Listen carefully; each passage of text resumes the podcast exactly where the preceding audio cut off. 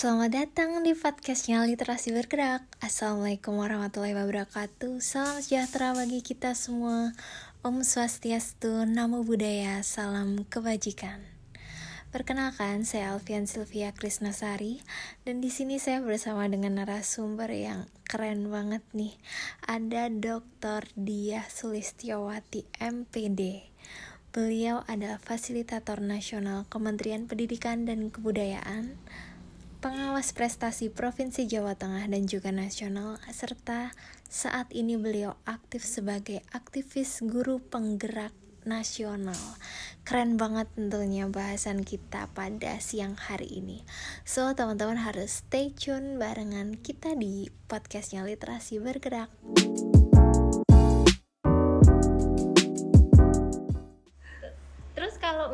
Tadi komitmen otomatis kan itu komitmen kan salah satu dari karakter ya, Bu, ya? karakter iya Nah, ini pertanyaan saya sejak dulu tentang ya banyak sekali problem-problem yang terjadi. Misal kita lihat di media lah. Mm-mm. Pada dasarnya problem-problem yang terjadi baik itu ya misal contohnya seorang anak gimana seorang anak melakukan tindak kejahatan apa ataupun misal melakukan hal-hal yang melanggar norma Mm-mm. itu kan balik lagi ke karakter. iya betul Nah, kira-kira di pola pendidikan manakah bu yang krusial sekali eh, pendidikan karakternya apakah TK SD Oke. atau ketik justru ketika ketika bersama dengan orang tua sebelum pendidikan usia dini oke oke oke Ye, sebenarnya untuk membangun karakter itu kan eh, menjadi budaya itu dari faktor pembiasaan. Jadi Oke. anak sejak lahir bahkan kata dokter juga bilang ya bahwa pendidikan karakter itu bisa dibangun sejak Ja- masih janin, dijanin. Ya masih janin. Jadi anak periang anak itu tergantung gu- orang tuanya saat hamil ya. Iya. kalau saat hamil suka marah nanti lahirnya katanya ini. Iya. Eh, ini saya juga dari dari dari medis juga ya. Eh, makanya waktu hamil harus sering apa ya eh, diciptakan kondisi yang bagus Iya. mendengarkan instrumentalia itu maksudnya supaya janinnya katanya ini loh. Katanya eh, supaya itu merupakan pendidikan. Nah ini ini kalau tadi pertanyaannya Mbak Selvi di di di jenjang mana gitu ya. Kalau menurut saya itu sejak lahir dari sebelum anak sekolah di pendidikan di rumah oleh orang tua dan lingkungan milieu di rumah itu eh, penting untuk membangun dasar karakter. Tapi lagi-lagi namanya anak di rumah masih di milieu terbatas dan anak itu lahir di situ paling kecil.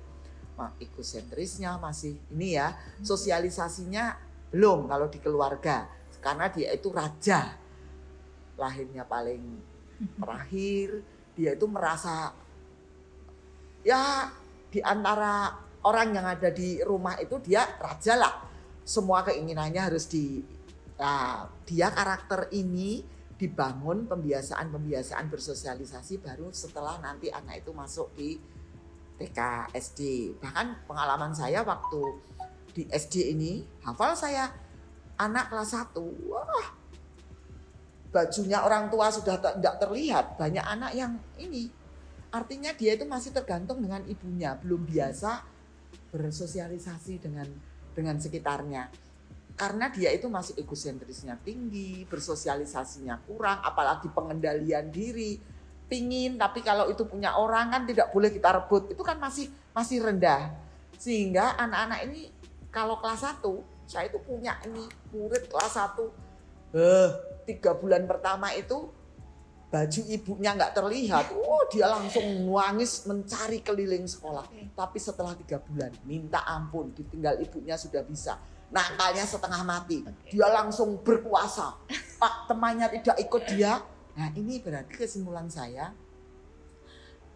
untuk perubahan karakter dari rumah ke sekolah ini melebar ke dari di rumah mungkin ke akunya. Untuk bersosialisasi ke dunia yang lebih luas mereka mulai dari taman kanak-kanak. Sehingga di kurikulum di taman kanak-kanak sebenarnya sudah ke mengarah ke itu. Mata pelajarannya kan berbeda dengan SD tapi di sudut sudut pengembangan. Sudut pengembangan bahasa kemudian sosial emosional. Hmm. ini kan sudah menjurus ke itu ya. Kemudian uh, untuk untuk matematika berhitung itu bukan bukan matematika bukan berhitung tapi dia sudut sudut kognitif itu ya tidak boleh mengajarkan angka dan huruf, tetapi boleh mengenalkan. Kalau di TK kan hmm. begitu. Ya. Artinya pengenalan itu dikaitkan dengan karakter. Karena waktu mengenalkan satu SATU ini diawali dengan cerita. Di cerita itu kan ada membangun karakter. Tapi lagi-lagi ini saya juga protes pada sistem pendidikan. Walaupun sudah mulai diperbaiki sejak lahirnya kurikulum KTSP, kurikulum 2006 ini maksudnya. Anak-anak di TK sudah dibangun dengan sudut pengembangan seperti itu. Dari anak egois yang di rumah, di sini sudah mulai bersosialisasi, sudah kan ada juga ini uh, untuk di sosial emosional itu ada melatih karakter mandiri, opo-opo dewe, cuci tangan sendiri. Mungkin kan di rumah kan makan di dulang, di situ ada uh, makan bersama. Anak-anak latihan makan sendiri nanti cuci tangan sendiri apa sendiri dengan budaya antri. Di TK itu bagus sekali kurikulumnya. Tapi begitu masuk ke SD karakter anak-anak yang suka bertanya yang berani mengungkap gagasan yang sudah bekerja sama dengan teman berubah di kelas 1 tapi ini sudah di sudah diperbaiki mulai dari kurikulum 2006 yaitu dengan sistem kenapa di kelas 1 berubah. Karena anak kelas 1 langsung mata pelajaran. Hmm. dulu yang di sini dengan bermain dengan itu ya belajarnya di kelas 1 coba ingat enggak waktu kelas 1 kan masih berhit, uh, matematika apa berhitung itu? Sudah yeah, matematika ya yeah. mungkin ya? Sudah semua berdiri sendiri. Akhirnya anak-anak yang dulu riang di TK di sini sudah mulai berkerut. Itu masukan itu sudah sampai di pengembangan kurikulum kan ada namanya balitbang itu ya yang tugasnya me menerima masukan dan mengolah kurikulum ke depan. Kan setiap tahun dievaluasi. Itu evaluasinya sudah masuk sehingga waktu lahir kurikulum 2006 kelas 1 2 menjadi tematik hmm. diharapkan guru-guru SD itu mengikuti pola yang di TK karena supaya anak-anak nanti dari uh, ini sosialisasi uh, untuk membangun karakter dan pengembangan Eh, pengembangan kognisinya itu nyambung gitu loh. Sudah bahkan waktu kurikulum 2006 masih uji coba itu kelas 1 2. Ternyata setelah ditetapkan menjadi KTSP namanya itu sampai kelas 3. Justru di kurikulum 2013 ini di SD sampai kelas 6. Masih tematik, tapi lagi-lagi balik ke gurunya. Karena guru itu dulu mengajarnya mapel, ingat Mbak Selvi ya waktu yeah. kelas 1 itu sudah biasa matematika sendiri, anu sendiri, apa-apa sendiri, walaupun kurikulumnya sudah integrated, guru masih condong sama. Walaupun itu tidak semua guru, tapi umumnya guru-guru yang senior itu memang ya lagi-lagi ke zona nyaman.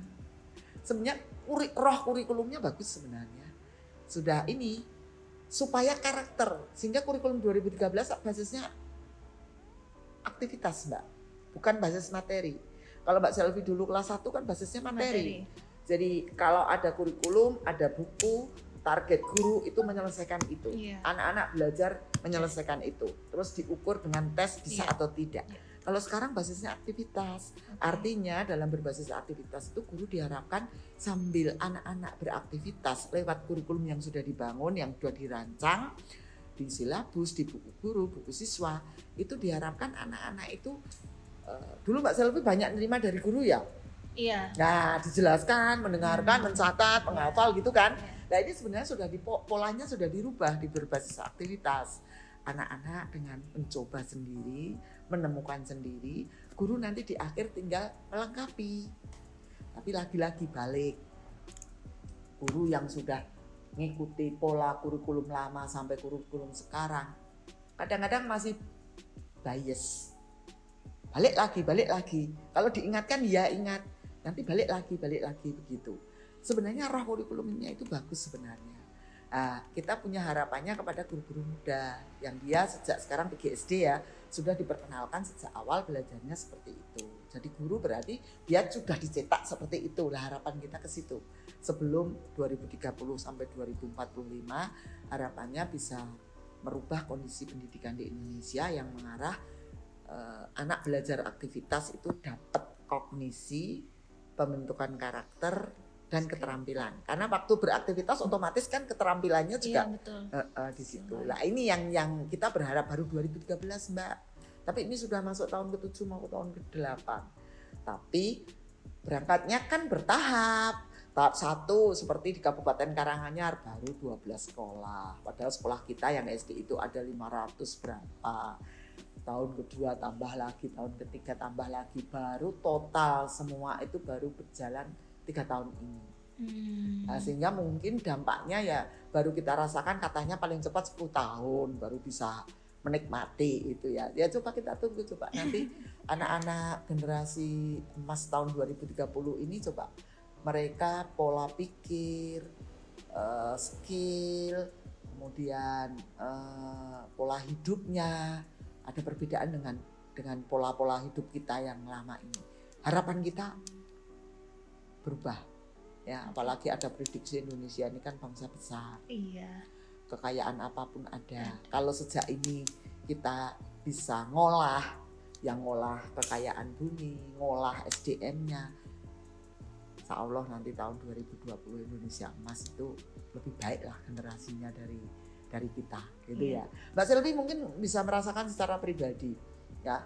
Eh, tentu beda kan dengan bapak kan pola pikirnya sudah Iya, beda. Kadang-kadang kan berseberangan Iya, kan? betul. Eh, sama. Saya dengan anak saya juga gitu. Kadang-kadang kita harus diskusi kenceng. Iya betul. Eh, kita yang tua ya pakai pola pikir kita yang muda pakai pola Pikir nggak nyambung kan kadang-kadang? Iya kadang nggak kadang nggak nyambung. Nah, tapi kita harus gini harus membuka diri juga. Iya. saya Pak Agus ini kan generasi memang generasi zaman belum yang generasi zaman Z yang sekarang ya apalagi yang milenium yang baru lahir sekarang ini anak kecil baru satu tahun aja sudah ini kita yang tua aja mungkin masih ah nah ini kita memang perlu penyesuaian satu bekalnya itu komitmen Oke.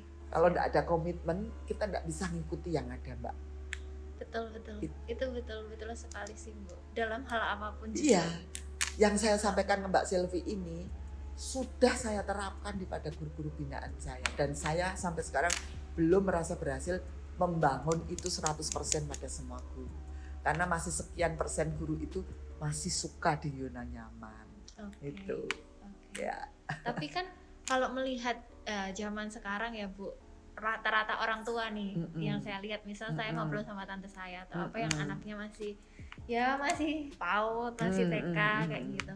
Kebanyakan kan mereka eh, mungkin ada pedagogi-pedagogi yang memang Iya. diterapkan di anak, Anak usia, usia dini, ya, anak ya. usia dini. Nah, tapi kan kadang harapan orang tua ketika anak itu mereka melihat si anak itu diajari membaca dengan taktik taktik taktik matematika dengan taktik taktik terus anak dengan mudahnya dengan cepatnya anak-anak Diperkosa. sekarang gitu kan Diperkosa malah senang kan bu nah itu rata-rata orang tua pada senang pada senang dengan pola-pola pemaksaan dini Tapi gitu. sebenarnya itu kan pemerkosaan itu buat anak-anak. Jadi dia diberikan sesuatu belum saatnya.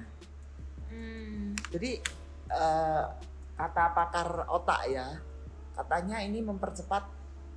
Katanya kalau belajar sesuatu kan sel otak kita itu krok, krok, Iya, krok betul. itu ya.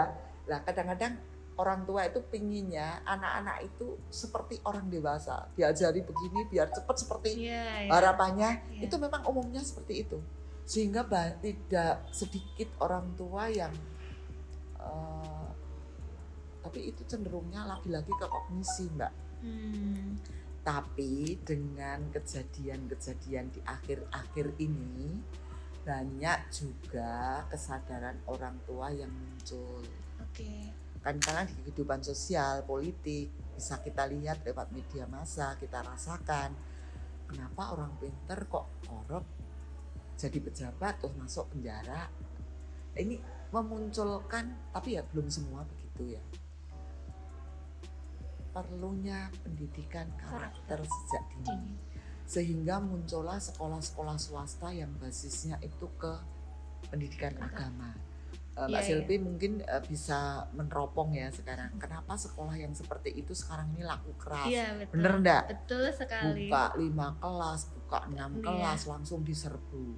Di mana sekolah-sekolah konvensial, konvensional Iya. yang yang polanya masih menggunakan pola lama yang uh, cenderungnya ke kognisi sekarang ini malah ditinggal itu karena kesadaran pentingnya pembentukan karakter itu. Makanya di kementerian sekarang ini itu tadi pembelajar Pancasila sama pelajar Pancasila itu harus dibangun di tiap-tiap satuan pendidikan. Hanya saja itu baru menurut saya itu baru diteriakkan dalam implementasi di dalam pembelajaran. Sebenarnya di kurikulum sudah termuat kandung. Hanya ini lagi-lagi mindset, komitmen pelaksa, pelaksana pembelajaran ini fokus perhatian prosentase antara ini pengetahuan, bangun pengetahuan dan ini bangun karakter dan ini bangun keterampilan belum seimbang. Saat ini saya menilai saya belum seimbang. Seandainya di SD itu sudah ada nilai untuk afeksi, untuk KI1, KI2, mungkin di situ guru itu melihatnya belum betul-betul dari realita bagaimana anak itu menampilkan karakternya. Iya. Meneropongnya masih secara umum, dilihat dari jauh. Belum dari waktu ke waktu dicatat dengan tertib, itu prosentasenya masih cukup kecil. Termasuk keterampilan, kadang-kadang uh, di kurikulum, di buku guru, sudah ada skenario pembelajaran yang anak harus melakukan apa, yang kaitannya dengan terampil, membuat apa, itu kadang-kadang banyak dilampaui oleh guru.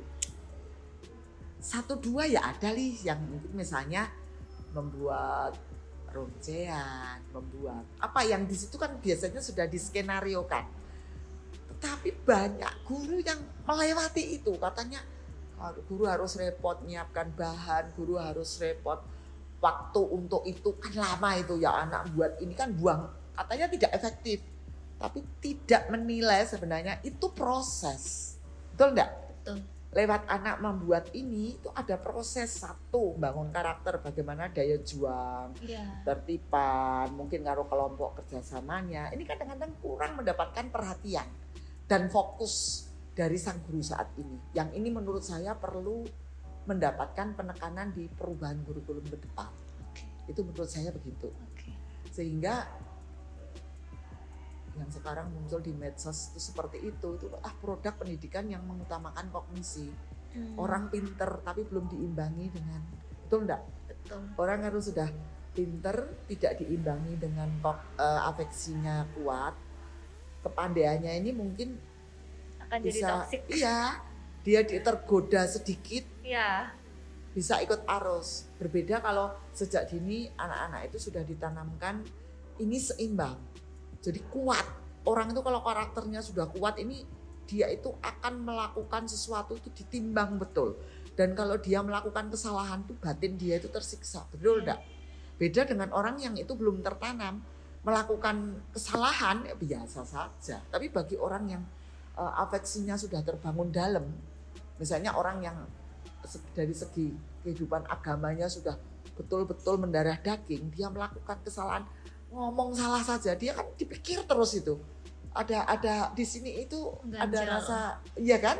Ya Iya. itu maksud saya eh, bagaimana supaya anak-anak ini menjadi pinter tapi juga punya itu yang dalam gitu loh. Juga ada semangat untuk skillnya itu tidak hanya tahu tapi bisa gitu loh.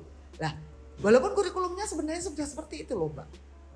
Hanya porsi guru di dalam menanam itu ibaratnya yang ini ditanam dalam yang ini nanamnya itu baru tetek sehingga nanti kalau kena hujan mungkin tumbang gitu loh. Maksud saya begitu ini Iya, gambaran iya, iya. saja ya. Siap, siap, siap. sebenarnya konsepnya sudah bagus sebenarnya. Hanya implementasinya menurut saya perlu ada penekanan-penekanan. Dan kita se- sebagai pendamping guru sudah berupaya sih sebenarnya. Tapi saya selaku pribadi belum merasa berhasil 100% untuk membangun itu. Karena sekali lagi komitmen daya juang dan apa ya zona nyaman ini masih mewarnai kehidupan praktisi-praktisi kita, komunitas praktisi kita. Itu kenyataan Mbak. Saya ngomong jujur nggak usah ditutupi. Itu ya Mbak ya. Siap, siap, siap. Oh, termasuk mungkin salah satunya peniadaan UN. Saya nggak tahu ya Bu. Ya. Ini.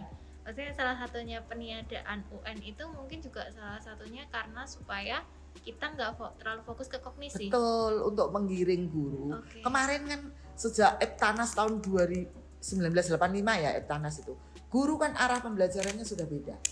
Oke. Semua mengarahnya ke nilai Eptanas menjadi berubah menjadi UN. Dulu kan Eptanas ya. Ya, Dulu Mbak Selvi apa? UN. Oh sudah UN ya. UN. Sebelum Mbak Selvi tahun 85 itu sudah ada Eptanas. Karena Hmm. saya eh, termasuk tim tim penyusun juga ya di Oke. provinsi. Itu menggiring guru menjadi ini arah pembelajarannya berbeda. Tidak ke pembentukan karakter, tidak ke keterampilan, tapi bagaimana penumpukan ilmu pengetahuan besok kalau ditanya di ujian Iya, dia bisa jawab nilainya tinggi. Oke. Ah, akhirnya pengetahuan itu ditumpuk di sini di katanya pengetahuan itu otak kiri ya otak Ya, kirinya kiri. penuh tapi otak kanannya kosong sehingga kalau dilihat transparan otak eh, anak-anak kita itu jomplang Mir- begini iya, betul. ya. apalagi ini kan sama ini kan harus mat itu Iya. otak kiri otak kanan dengan Hmm. nurani itu kan harus ah, ini yang mungkin UN itu arahnya ke situ Oke. apakah tidak ada UN ada tapi bentuknya lain Iya. Eh, di asesmen Iya yang paling baru ini. ya yang paling baru AKM itu ya Iya, Gitu. iya, iya. Tapi eh, berarti kalau untuk saat ini sebenarnya proses-proses semuanya termasuk tadi Iya. proses-proses untuk perbaikan. perbaikan Betul. termasuk guru juga Iya, gimana ditreat supaya ya mereka bisa menjalankan kurikulum itu dengan baik sampai akhirnya tujuannya tercapai itu sebenarnya sudah ada ya bu? Sudah ada, dari sudah pelatihan ada. dan apa pun oke itu oke. Tapi balik lagi ke pribadinya. Pribadi. Tapi mudah-mudahan dengan eh, program guru penggerak ini nanti karena pola yang ditanamkan di situ nanti tidak hanya tidak hanya bagaimana dia mengimplementasikan di kelas tapi bagaimana juga dia eh, diskusi di komunitas praktisi di, di teman sejawatnya sehingga selalu ada ini ya diseminasi pengembangan ke lingkungan sekitar. Sehingga dan sistem penilaiannya juga berkembang terus seperti eh, sekarang ya yang baru berkembang ini di Permenpan kemarin muncul eh, penilaian SKP ini disempurnakan. Salah satu tujuannya tidak hanya atasan yang menilai tapi juga teman sejawat. Iya. Nah ini arahnya biar biar terintegrasi. Kan kalau hanya satu jalur ini tidak ditopang kan nanti balik lagi balik lagi. Ini sudah dengan berbagai tidak hanya Kementerian Pendidikan tapi juga Menpan, kemudian di BKN sendiri sudah ada per- ini tadi saya baru share ini ya apa tentang eh, bagaimana manajemen kepegawaian itu mandiri oleh setiap pegawai. Jadi pegawailah yang bertanggung jawab, bukan dinas. Jadi kalau ada kesalahan, kalau kemarin kan kita yang nyalah ke dinas itu. Karena ini kurang kok kurang lengkap padahal saya sudah ngirim ini. Kalau sekarang BKN ini tanggung jawab pribadi. Jadi nanti kalau ke- kekurangan berarti ya salahmu gitu loh. Itu yang yang yang dibangun jadi dari berbagai sektor. Jadi berbagai kementerian, dari berbagai lembaga, tidak hanya Kementerian Pendidikan Kebudayaan yang mengubah pola pembelajaran dari dulu beratnya di kognitif, sekarang sudah diharapkan sudah komprehensif, seimbang dari ketiga ranah itu ya. Tapi juga sistem bagaimana kan orang bekerja seperti guru kan ada penilaian, Hmm. ada penghargaan, ada pengembangan karir. Nah ini semua juga harus searah. Nah ini mudah-mudahan pola yang pola yang ditempuh ini kan baru proses ya. Mudah-mudahan itu berhasil. Jadi gundah gundah gulana kita memikirkan kondisi yang tadi kita diskusikan. Mudah-mudahan nanti ada perbaikan ke depan dengan upaya-upaya yang dilakukan sekarang.